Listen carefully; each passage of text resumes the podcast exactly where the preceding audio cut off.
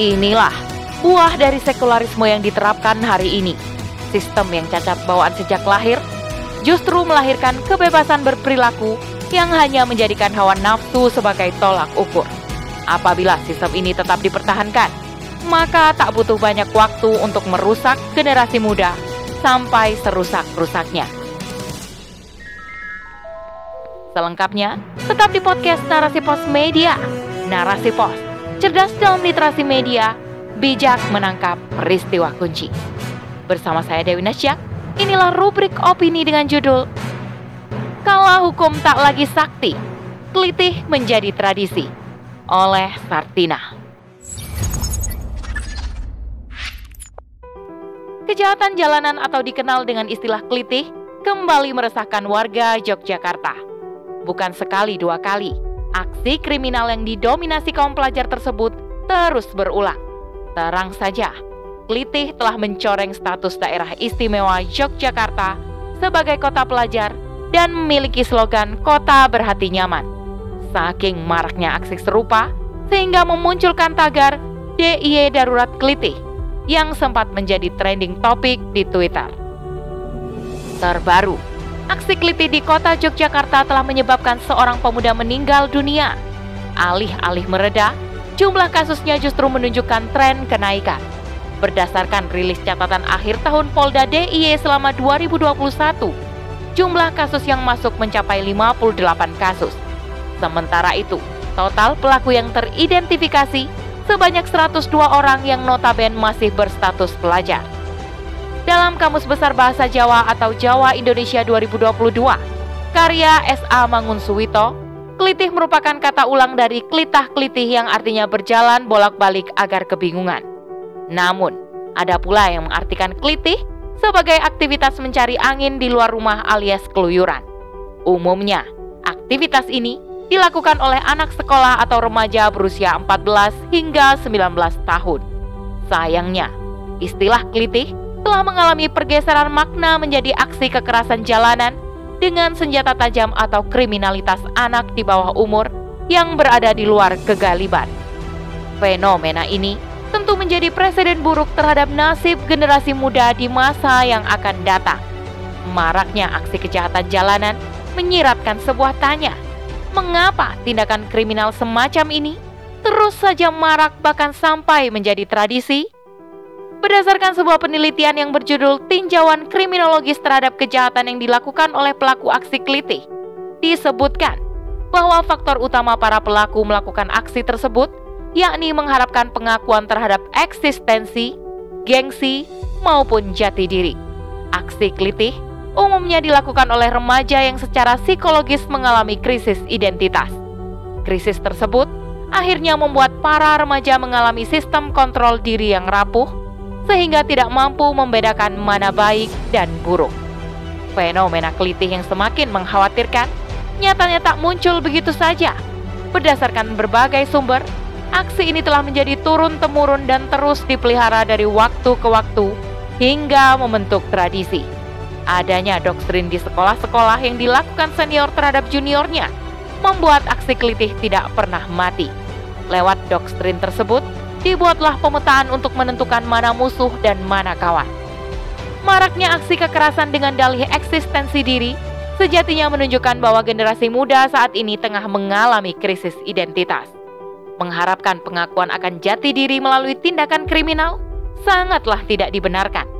Tentu, Pemahaman seperti ini lahir dari prinsip kebebasan yang merupakan anak kandung sistem demokrasi sekuler, yakni kebebasan berperilaku.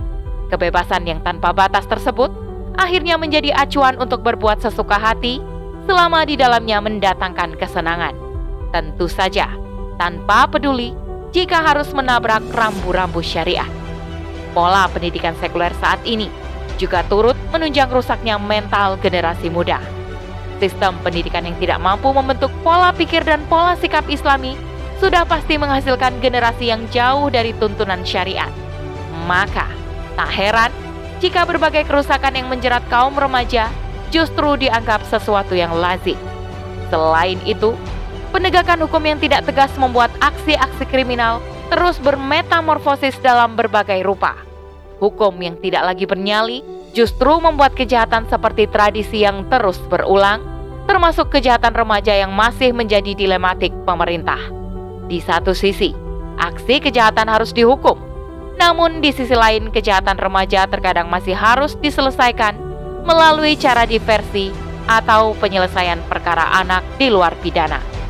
Inilah buah dari sekularisme yang diterapkan hari ini. Sistem yang cacat bawaan sejak lahir justru melahirkan kebebasan berperilaku yang hanya menjadikan hawa nafsu sebagai tolak ukur. Apabila sistem ini tetap dipertahankan, maka tak butuh banyak waktu untuk merusak generasi muda sampai serusak-rusaknya. Negeri ini yang tengah dilanda darurat kriminalitas sejatinya butuh solusi fundamental untuk memberangusnya. Tidak ada satu masalah pun tanpa solusi. Setidaknya demikianlah yang dijanjikan oleh Islam. Sebagai solusi paripurna, Islam mampu menyelesaikan seluruh problematik yang mendera negeri ini, bahkan dunia. Termasuk di dalamnya persoalan kelitih yang melibatkan anak remaja atau pelajar. Orang dewasa maupun pelajar, selama sudah mampu membedakan baik dan buruk, memiliki kedudukan sama di mata hukum. Jika salah harus dihukum, dan jika benar maka harus dibebaskan. Pada prinsipnya, tidak boleh ada satu orang pun yang bebas berbuat semena-mena terhadap orang lain. Namun, solusi Islam tidak melulu soal sanksi, tetapi juga dibarengi dengan tindakan preventif sebagai bentuk pencegahan di masa yang akan datang. Pertama-tama, Islam mewajibkan setiap muslim memiliki ketakwaan kepada Allah Subhanahu wa taala. Ketakwaan ini menjadi harga mati yang tidak bisa ditawar. Dengan bekal takwanya, seseorang akan terjaga dari perbuatan yang dilarang Allah Subhanahu wa taala, termasuk aksi kelitih. Orang tua wajib menanamkan pendidikan berbasis akidah Islam terhadap anak-anaknya. Kuatnya penanaman akidah sejak kecil akan membentuk insan bertakwa yang jauh dari kesan liar dan beringat. Tidak cukup dengan penanaman akidah, peran masyarakat sebagai kontrol di tengah-tengah umat haruslah berfungsi. Hal ini guna mencegah merajalelanya kerusakan. Terakhir, ada negara sebagai penegak keadilan yang menerapkan sanksi terhadap berbagai bentuk kejahatan. Sanksi haruslah tegas dan adil agar tidak ada orang yang merasa terzalimi. Dalam Islam, tindakan kriminal yang dilakukan di jalanan sering kali disebut Qat'ut Torik. Syekh Syamsuddin Muhammad bin Ahmad menyebutkan dalam Mughnil Muhtaj bahwa Qat'ut Tarik adalah pengganggu di jalanan yang mencuri, membunuh, bahkan menakut-nakuti dengan kekuatan atau keahlian menggunakan senjata tajam. Apabila para pelaku atau pengganggu jalanan sampai melukai korban, maka berlaku hukum kisas baginya. Kisos merupakan hukuman yang setimpal dengan perbuatannya. Sedangkan bagi pelaku, pengganggu jalanan yang menyertakan pencurian dalam aksinya, apabila barang curiannya telah mencapai nisab, maka sanksinya adalah dipotong tangan kanan dan kaki kirinya. Hal ini sebagaimana yang difirmankan Allah Subhanahu wa taala dalam Al-Qur'an surah Al-Maidah ayat 33. Sesungguhnya pembalasan terhadap orang-orang yang memerangi Allah dan Rasul-Nya dan membuat kerusakan di muka bumi hanyalah mereka dibunuh atau disalib atau dipotong tangan dan kaki mereka dengan bertimbal balik atau dibuang dari negeri tempat kediamannya.